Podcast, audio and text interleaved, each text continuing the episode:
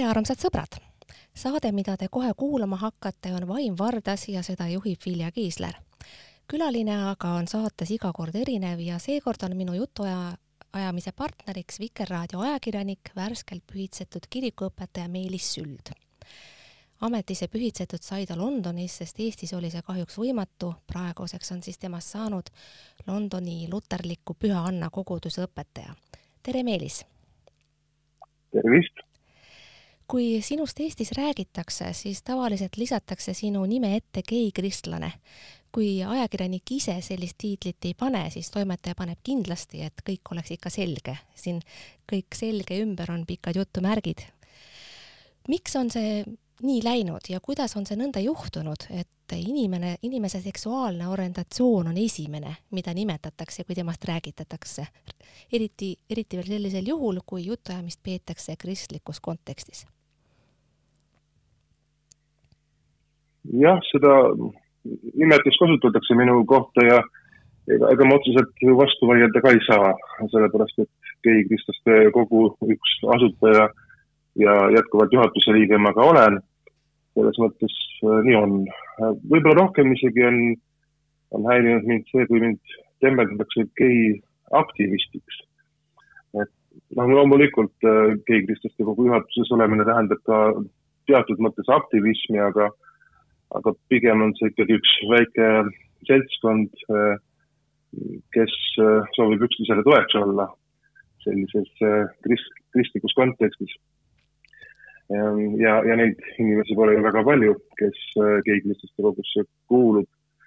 Ehm, jah, see seksuaalsuse teema on kuidagi esil, kirikus on see eriti teravalt esil ja kui konservatiivsed ringkonnad seda ka kogu aeg rõhutavad, et, et üks või teine inimene on gei, et eks see siis jääb ka ajakirjanikele külge. et siin, kui Elu kakskümmend neli ühendust võttis minuga, siis, siis nad võtsid ka konservatiivse meie kirik veebilehe sealt selle teate minu ordineerimise kohta ja loomulikult konservatiivne veebiväljaanne Meie kirik ei nimetanud äh, poole sõnagagi seda, et ma ajakirjanik olen ja, ja siis ma pidin Elu24 neli toimetajale ja ajakirjanikule ka selgitama, et, et ma tegelikult olen ennekõike ajakirjanik. ja noh, võib-olla siis alles, alles see geiaktivist ja, ja noh, ma selle geiaktivismi ja aktivisti tiitliga sugugi nõus ei taha olla. aga ju ta siis tuleb jah esile, eriti sellises konservatiivsemas kontekstis ja seoses kristlusega. paljude jaoks on see nagu lausa ka sobimatu panna kokku äh, geid ja, ja, ja kristlus. aga kuidagi minu elus on need kaks poolt kokku saanud ja, ja nii on lihtsalt no minu meelest on sobimatu pigem see, et äh, seksuaalset orientatsiooni peab esile tõstma, kui inimene on valinud oma kutsumuse.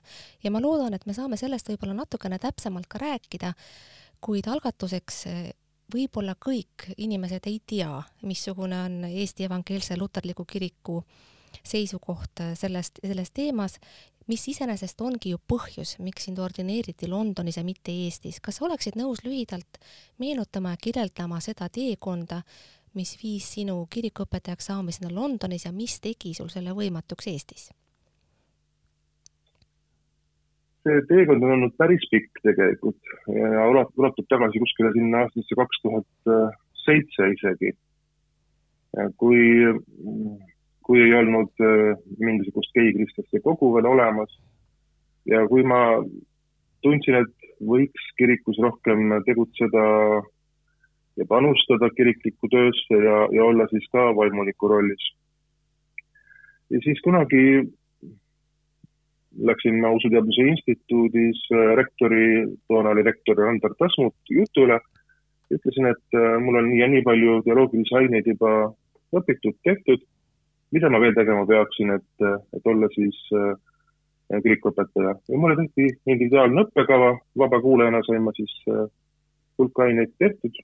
Ja kui neid aineid oli just nii palju, et ma oleksin juba diakooni organisatsiooni saanud, mis on siis esimene aste äh, vaimuliku ametis, mida võib ka vahele jätta, aga, aga tihtipeale tehakse ka see esimene aste läbi diakooni ordinatsioon, siis ma läksin kirikuvalitsuse jutule oli just diakoni koolitus, mis, mis parasjagu avati. ja, ja mind võeti kenasti vastu. mulle öeldi, et väga tore, et üks ajakirjanik tahab saada vaimulikuks, et see on suurepärane ja, ja ei peaks piirduma üldse ainult diaakoni ordinatsiooniga, vaid võiks ikkagi taotleda ka seda, et saaks siis kirikuõpetajaks või siis preestri ordinatsiooni võiks saada.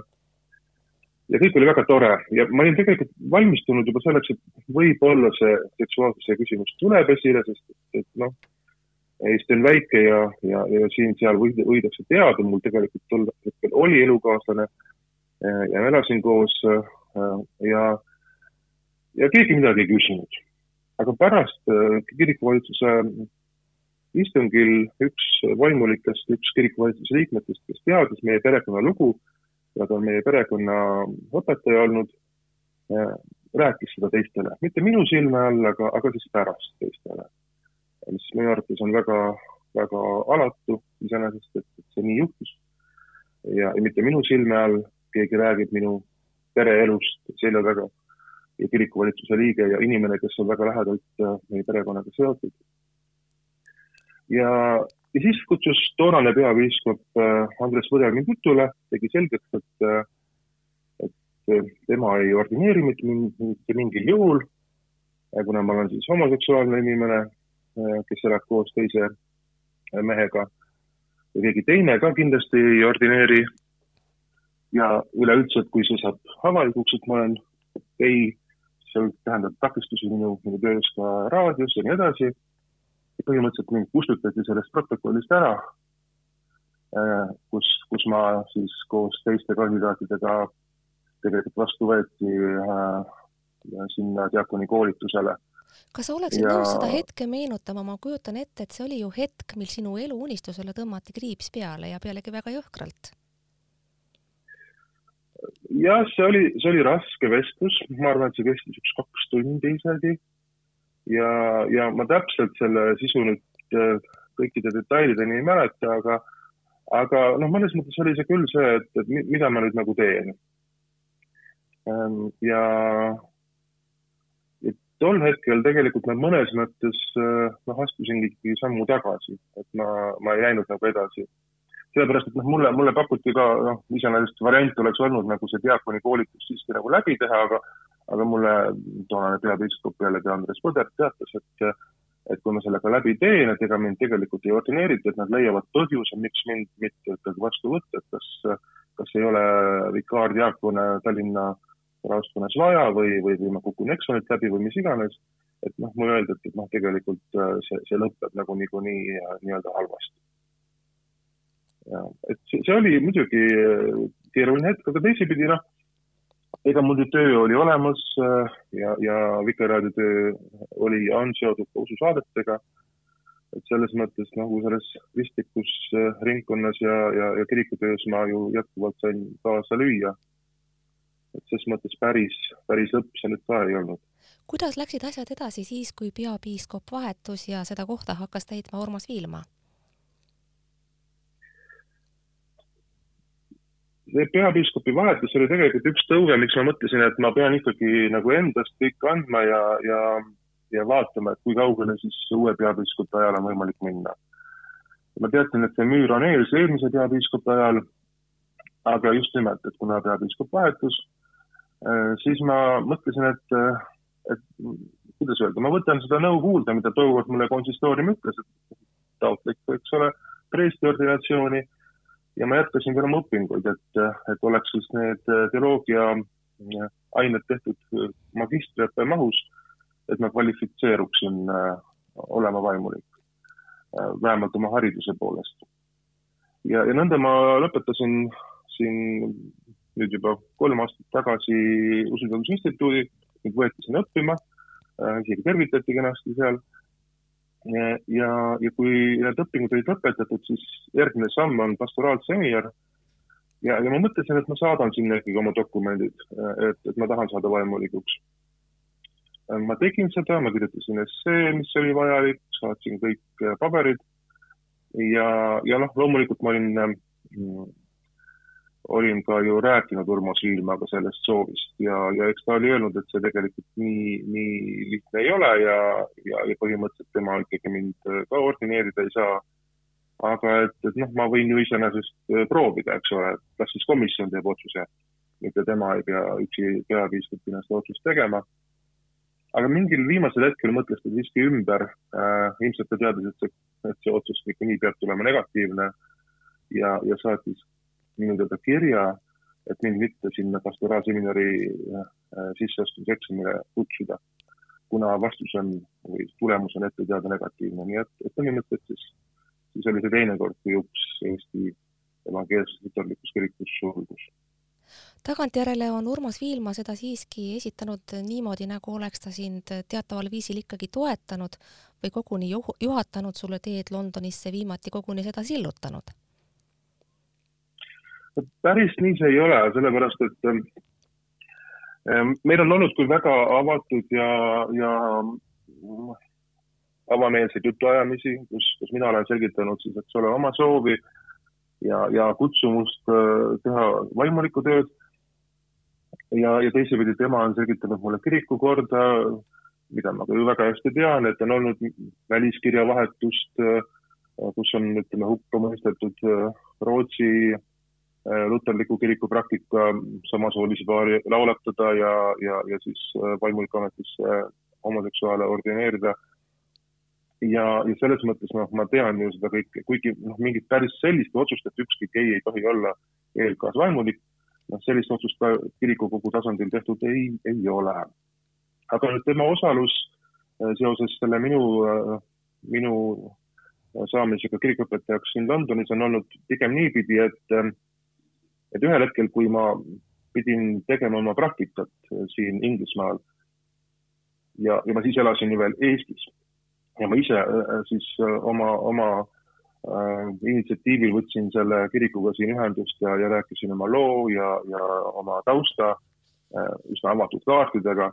no siis tekkis lihtsalt meil siin Inglismaal küsimus, et kus ma võiksin oma praktikat teha, sest et ma elasin Eestis ja, ja iseenesest oleks olnud väga normaalne see, et, et ma üht-teist teen kusagil Eesti koguduse juures.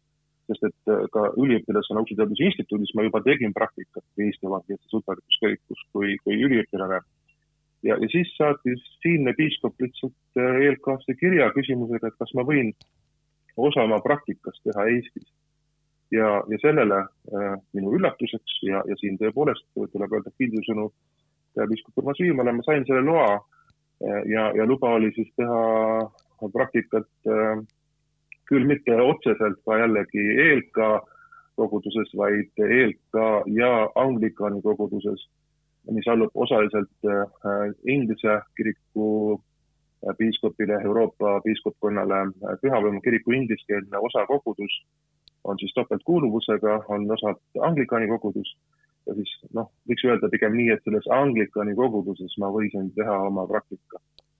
mis on siis teataval viisil kompromiss, kuid praeguseks on sinust saanud äh, Londoni luterliku äh, Püha Anna koguduse õpetaja, kui suur on sinu nii-öelda hoolealuste ja hoitavate äh, kogus praegu ja kui tihedalt sa selle kogudusega seotuks jääda kavatsed? meie kogudus on väike, meil on ametlikult äh, seitsekümmend viis äh, liiget hingekirjas. aga meie liikmete äh, nimekirja koostamine on ka veidi teistmoodi. et need on siis need sellised täieõiguslikud liikmed, kes siis noh, justkui maksavad kirikumaksu ja käivad kohal. et siinne süsteem arvestab rohkem selliseid inimesi, lapsi näiteks ei ole ka seal seitsmekümne viie inimese hulgas väga palju on inimesi, kes ju on mõni kuu Londonis ja lähevad ära ja, ja tulevad ikkagi meie kogudusse. aga jah, tegelikult on see ikkagi väike kogudus, seitsekümmend viis inimest ja meil on isegi kolm pastorit, et mina olen üks abiõpetajatest, meil on peaõpetaja ja siis teine abiõpetaja on äh, suahiilikeelse kogukonna teenija. mina aitan siis äh, ingliskeelsete teenistuste juures kaasa.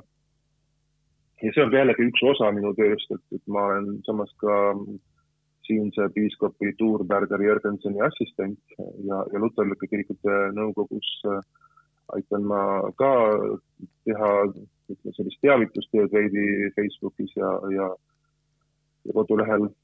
nii et, äh, et see koguduse töö tegelikult on üks osa minu tööst, äh, kuigi minu jaoks kõige kallim ja kõige olulisem osa. Ja ma ei tea täpselt, kui kauaks ma siia jään. võib-olla mulle ka näiteks tekib äh, mingi nii-öelda oma kogudus, mida ma peaksin juhatama kusagil väljaspool Londonit. et siin, siin on, on, on ka mitmeid vaimulikke, kes, kes võivad jääda vanaduspensionile. Äh, nii et, et ma täpselt ei tea, et, et kas ma jään seotuks ainult Londoni kogudusega või, või, või lisaks veel mingi teine kogudus et, et see on veel lahtine, aga praegu on siis jah, selline osakoormus äh, Londoni Püha Anna kogudus. kui raske või kerge on pidada teenistusi ja elada oma igapäevaelu ka samamoodi võõras keeles, ma saan aru, sinu inglise keel on kindlasti väga hea, kui sa oled selleks võimeline, kuid eeldatavasti sa mõtled ikka veel eesti keeles ja arvatavasti loed ka piiblit eelkõige eesti keeles või kuidas? See on päris keeruline jah, sellepärast et äh, nii nagu äh, äh, praost äh, Mart Salumäe ütles ka, kellega me rääkisime, tema töötab Torontos äh,, küll Eesti kogukonda teenimas on ta seal äh,. et ta ütles, et igas keeles on omad vagad fraasid ja loomulikult ega ma väga hästi neid inglisekeelseid vagasid fraase ei tea öelda. selles mõttes minu jutlused kindlasti on sellised lihtsamad, vähemalt keelekasutuse poolest. ja, ja ma kirjutan ikkagi need otse ka inglise keeles, sellepärast et tõlkides pärast oleks võib-olla veel keerulisem. aga tõesti, kui ma pühakirja pean lugema, ma loen küll esimese korra seda teksti inglise keeles ja siis ma loen heaks juhuks ikkagi eesti keeles ka üle. kas, kas ma sain täpselt ikka õigesti igast nüansist aru ja, ja siis lähen tagasi veel ka kreeka keele juurde, kui mul on see vajadus äh, ja, ja, ja vaatan siis sealt võib-olla mõne sõna täpsemalt üle veel. aga, aga inglise keeles, noh, nüüd, nüüd on juba natukene lihtsam, et eks neid jutlusi on ka üks viisteist, kakskümmend vast juba inglise keeles koostatud. küllap see ajaga muutub kergemaks. ütleme, et näiteks vaba palve on isegi veel keerulisem. kui kusagil öeldakse, et noh, pea nüüd alguspalve või lõpupalve, et siis seda ma tahaksin teha väga loomulikult ju eesti keeles ja jutlust kirjutad veel, eks ole, valmis ette endale, aga, aga noh, mingisuguse koosviibimise algus- ja lõpupalvet seda ju ette ei kirjuta ja, ja, ja siis eks tuleb keeleoskus kokku võtta ja, ja, ja siiski inglise keeles ennast väljendada, ega muud, muud varianti ei ole. ma olen mõelnud sellest, et peaksin võib-olla ka rohkem vaatama keeleõppe videosid nüüd täiesti teadlikult, et, et õppida siin seda kohalikku aktsenti võib-olla veidikene rohkem ja et eks see on selline töö, millega tuleb tegeleda. hästi, e, enne kui ma pööran tagasi meie vestluse nii-öelda põhiteema juurde, mis kahjuks või, või õnneks ikkagi seostub selle äh, homoseksuaalsusega pigem laiemal, enam mitte niivõrd isiklikul tasandil, tahaksin ma sinu käest küsida selle ordineerimise kohta, sest see on midagi, mida enamik inimesi ja ma arvan, enamik ka selle saate kuulajaid elus kunagi läbi ei ela, pühitsemist kirikuõpetajaks, pühitsemist preestriks. kas oleksid nõus äh, kirjeldama, kuidas see õigupoolest käib ja mida see sinu jaoks emotsionaalselt tähendas? ordineerimine väliselt on see üks jumalateenistus. üks armulavaga jumalateenistus, kus muidugi tullakse kokku siis selleks, et, et ordineerida inimene vaimulikuks. ja, ja selle jumalateenistuse sees on osa, kus sellelt eh, kandidaadilt küsitakse küsimusi, et eh, kas ta tõotab jääda usus ustavaks, olla eeskujuks teistele pidada kinni õigeks, õigest õpetusest ja nii edasi, et üks viis küsimust on seal, sõltub ühes või teises kirikus võib olla need, see küsimuste arv ka erinev ja sõnastus veidi erinev, aga põhimõtteliselt on tõotused, mis tuleb anda ja, ja sellele siis äh, kandidaat vastab, et jah, jumala abiga. ja sellele järgneb siis palve äh, loomulikult äh, seda organisatsiooni teenistust äh, seda talitust juhatab siis piiskop või piiskopid, tavaliselt üks piiskop ja, ja, ja siis ta paneb käed selle ordineeritava peale ja palub siis püha vaimu.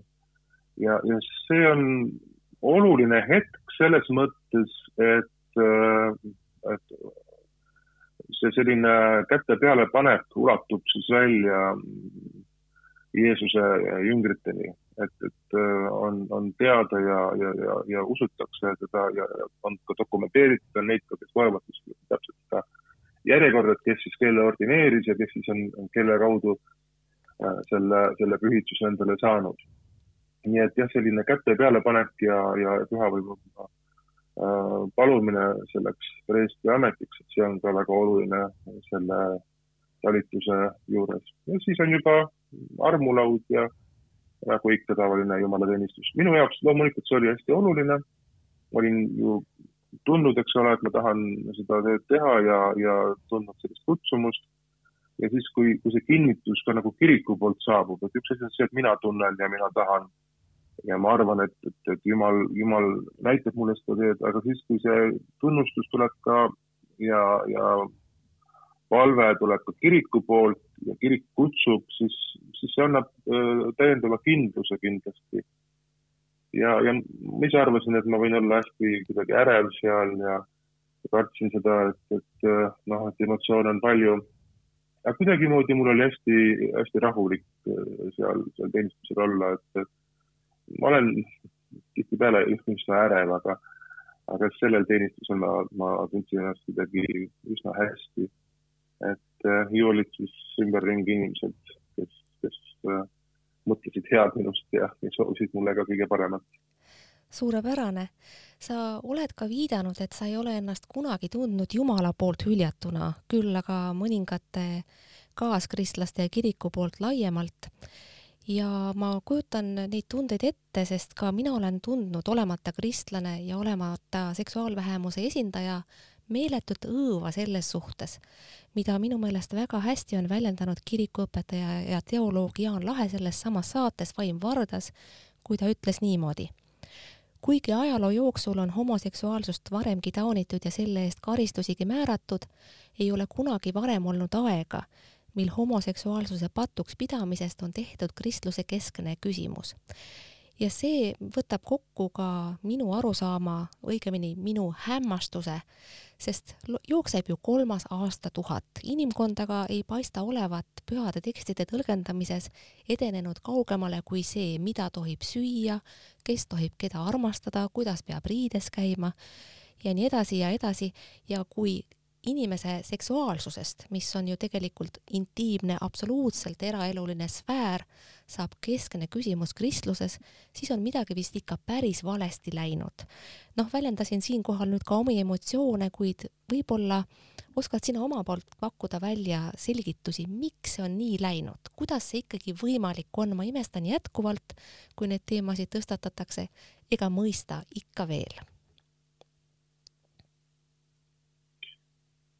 eks see üllatab ju mind ka, et ma, ma ei saa ise ka täpselt aru, et miks see on kuidagimoodi selline nii võtmetähendusega teema osa inimeste jaoks. ja see on natuke nagu selline lakmuspaberi test ka, et, et alati siis küsitakse, eriti konservatiivsed inimesed tahavad teada, olgu see siis uus õpetajakandidaat või kes iganes, et kuidas ta ikkagi nüüd sellesse asjasse suhtub. kas ta siis sallib või ei salli ja, ja noh, õige vastus on ette teada ja see on nagu olnud ka takistuseks äh, heteroseksuaalidele, kes on avatud, avatumad ja avatud vaatega noh, mõnda ametisse kandideerima, et, kui, kui ta tahab saada konservatiivsema koguduse vaimulikuks ja on, on juhuslikult liberaalsemate vaadetega, siis äh, ta filtreeritakse välja ma isegi jah, ei, ei ole ise ka täpselt aru saanud, miks ta on nii teravaks äh, küsimuseks läinud ja, ja mis tegelikult ka lõhestab praegu äh, suuri kirikuid, ühinenud metodisti kirikuid.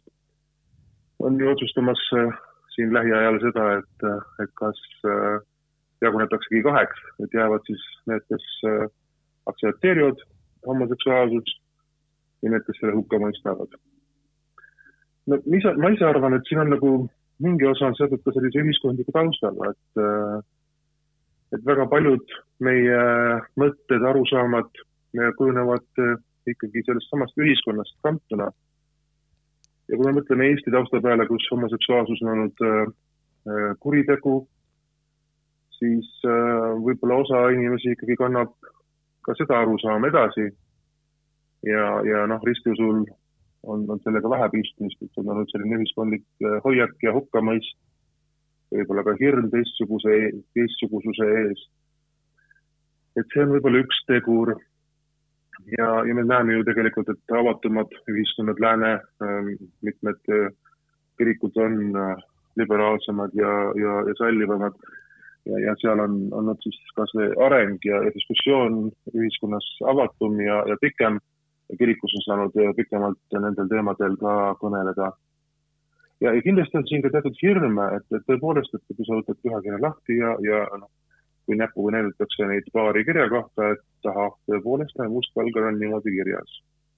aga teisipidi tõesti, piiblis on kirjas väga erinevaid asju ja kui me võtame ainult ühe kirja koha pealt välja või, või kaks kirja kohta või ka kolm kirja kohta ja tervikut ei näe, et, et siis, siis me läheme jälle ikkagi veidi rappa omadega no isegi mitte veidi rappa, isegi mitte veidi rappa. kui sa lubad, siis mina, minu meelest tegelikult kirik ju soosib valetamist. Sõna otseses mõttes, et kui sina näiteks otsustaksid olla abielus naisega selleks, et saada ordineeritud Eestis, teadaolevalt ju Eestiski on homoseksuaalsed kirikuõpetajad Luteri kirikus, siis oleks kõik korras. Ja mina ei näe seda küll mitte teistmoodi kui kõige ehtsama silmakirjalikkusega koguni lausa teatava sunnina valetamisele, enese mahasalgamisele. kuidas sulle paistab? no mõnes mõttes see on niimoodi jah, et, et needsamad vestlused ka, mis mul peapiiskop Urmas Viilmaga on olnud, eks ta on öelnud mulle, et, et kui, kui ma ütleksin, et ma olen näiteks üksi või mul oleks äh, naine, eks ole, et siis, äh, siis põhimõtteliselt oleks olukord hoopis teine, aga kui, kui ma ütlen, et ma olen homoseksuaal ja, ja ma ei kavatse üksi jääda, et siis on jällegi teine olukord. aga kas ja, ja loomulikult. Aga kas võiks olla, et näiteks Urmas Viilma ühel heal päeval mõtleb ümber ka homoseksuaalsete inimeste suhtes, sest mäletatavasti, kui ta ametisse sai, siis ta esialgu ei arvanud sugusi, sugugi, et peaks ka naisi ordineerima, kuid selles suhtes on ta teinud kannapöörde ja ja naisi on ordineeritud, nendel ei ole enam sellist takistust, nagu võib-olla isegi varem Eestis on olnud.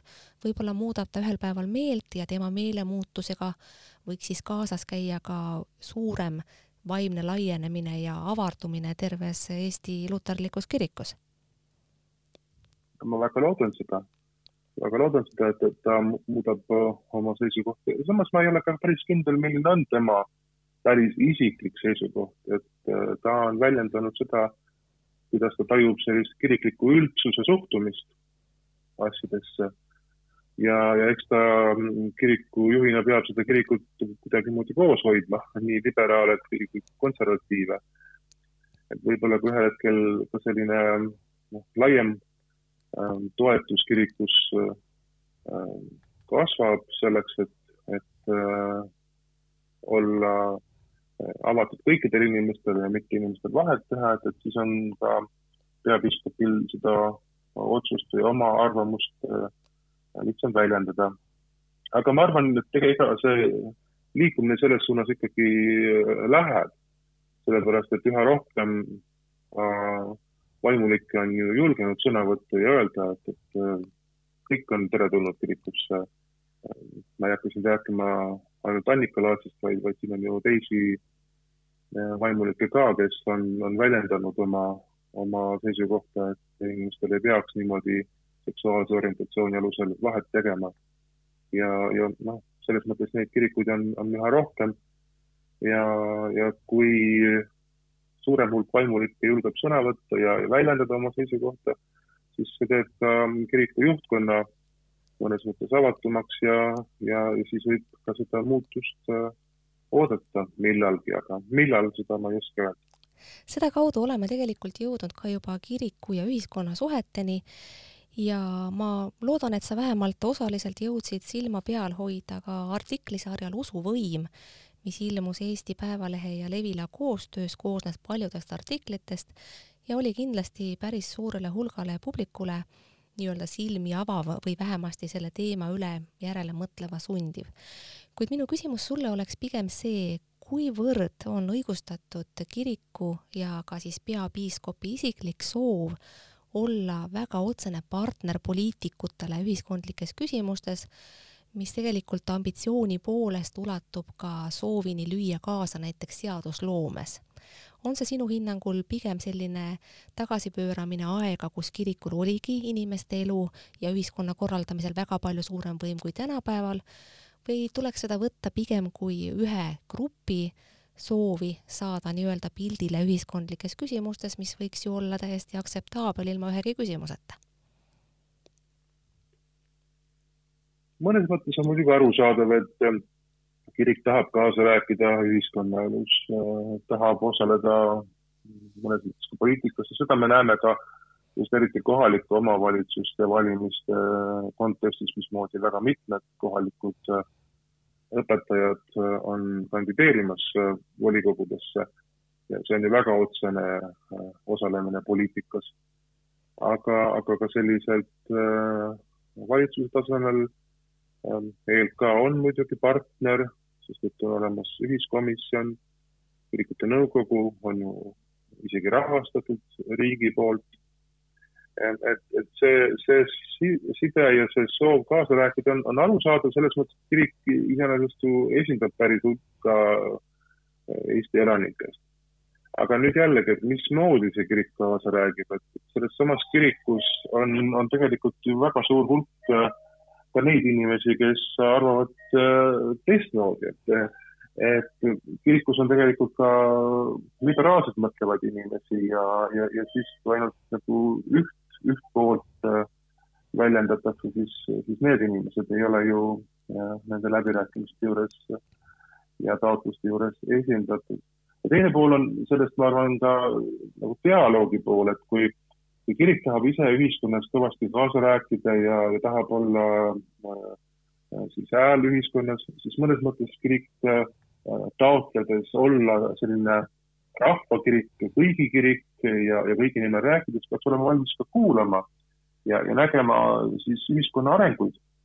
kui me, kui me näeme ikkagi seda, et, et Eestis on olemas äh, partnerlusseadus Ähm, et Eesti ühiskond muutub avatumaks ja, ja on valmis aktsepteerima ja, ja toetama, et, et kõikidel on õigus perekonnale, pereelule, siis kirik võiks olla omalt poolt ka valmis kuulama ja, ja tegema siis äh, vastavaid muutusi ja korrigeerima oma, oma seniseid arusaamu kuidas sa suhtud nendesse poliitikutesse, kes käivad jõulude ajal kirikus ennast näitamas, omamata sisimat sügavat sidet religiooniga? Teatavasti Eesti riigipead ja peaministrid, paljud teisedki kõrgemad poliitilised tegelased on seda pikkade aastate jooksul teinud ja mäletatavasti, kui Kersti Kaljulaid presidendi ametisse astudes ühest lõunast või ühest sellisest üritusest keeldus, siis oli kirik väga solvunud kuidas sa hindad neid poliitikuid, kes kristlusega flirdivad tegelikult sellesse lähimat sidet omamata? Mul on kahetised tunded, ühest küljest on mul hea meel, et kui, kui see inimene kirikusse tuleb, ükskõik millal ta tuleb, eks ta ju siis seal ka kuuleb jumala sõna ja, ja seal on alati kirikus ka ju patutunnistuse koht. nii et, et eks siis on tal võimalik ka oma oma tegusid kahetseda, mis on halvasti läinud. et ükskõik, mis põhjusel inimene kirikusse tuleb, siis on väga hea ja väga tore.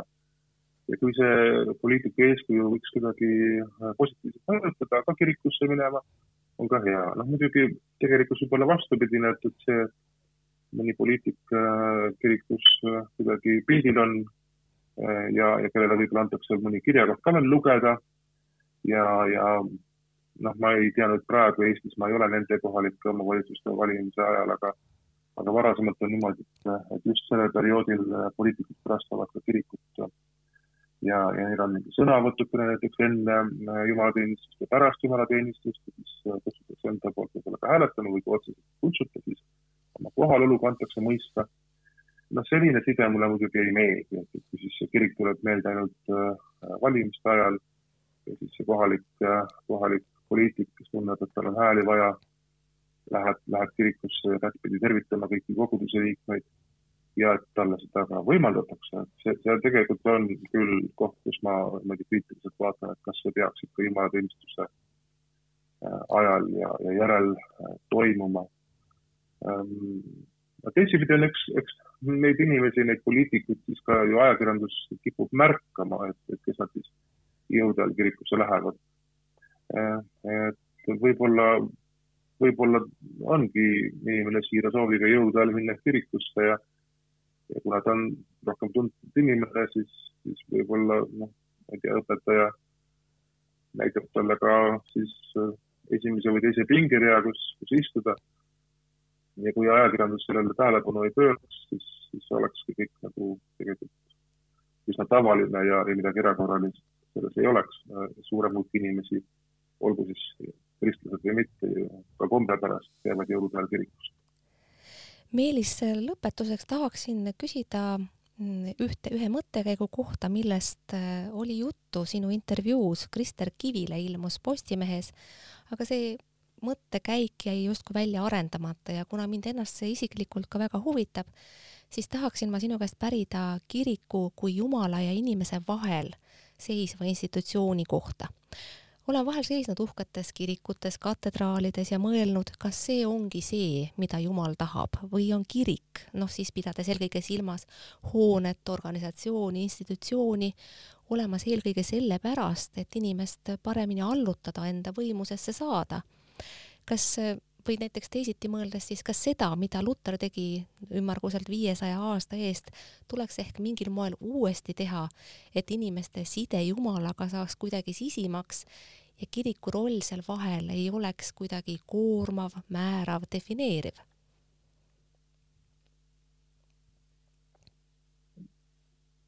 loomulikult reformatsioon on selline kestev protsess ja ja, ja loomulikult peaks, peaks vaatama kirik iseendasse ka alati, et kas äh, on midagi, mis tuleb muuta, kas on midagi, mis äh, on kaugenenud tegelikult Jeesuse õpetusest.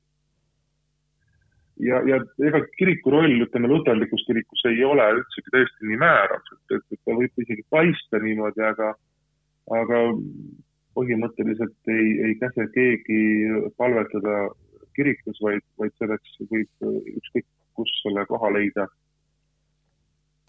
olgu see siis äh, mingisugune loodusrada või, või, või kodus äh, palvetada vaikselt äh, või häälekalt, vahet ei ole. et, et kirik iseenesest ei ole päästeks oluline institutsioonina. oluline on ikkagi inimese side Jumalaga ja see, et ta teab, et, et ta on lunastatud Jumala poja Jeesuse Kristuse ristisurma ja ülestõusmise läbi. et see on tegelikult kese, äh, kõik see au ja hiilgus ja, ja, ja kirik, rituaalid ja uhked, uhked tseremooniad, äh, vaimulike värvilised riided, noh, see kõik on sealjuures äh, tühine ja, ja mitte nii oluline. et seda tasub, tasub ikka meeles pidada, et päästeks ei ole otseselt vaja inimese minemist kuhugi katedraali võlvide vahele, äh, vaid, vaid päästjaks piisab inimese isiklikust suhtest äh, Jumalaga on väga tore, et sa seda niimoodi sõnastasid, Meelis, suur tänu sulle. lõpetuseks, eh, kirik kui vahemees inimese ja Jumala vahel tõenäoliselt ei kao ja ei kao mitte lähemal ajal, vaid üldse mitte kunagi. missugusena sa näed kiriku rolli näiteks viiekümne, saja aasta pärast, noh, ütleme Eestis, sa viitasid juba korduvalt uuenemise tarvidusele, kuid eh, missugune laiemas ja kõige üldisemas mõttes võiks olla see muutumise suund? Ma mäletan, et kunagi küsiti Marju Lauristini käest ka kiriku rolli kohta ühiskonnas ja just tema käest. See oli üks konverents äh, Usk ja poliitika, omal ajal neid korraldati äh, rohkem. Need olid päris huvitavad mõttevahetused, kus olid kohale kutsutud mitmed erakondade esindajad ja, ja siis ka tõesti erinevate erakondade esindajad. ja Marju Lauristin ütles, et, et kirik võiks seista sellise headuse, kogu hea poole peal. seal, seal selle juurde käivad siis kõik see diakoonia töö, sotsiaaltöö, äh, minu silmis vähemuste õiguste kaitse.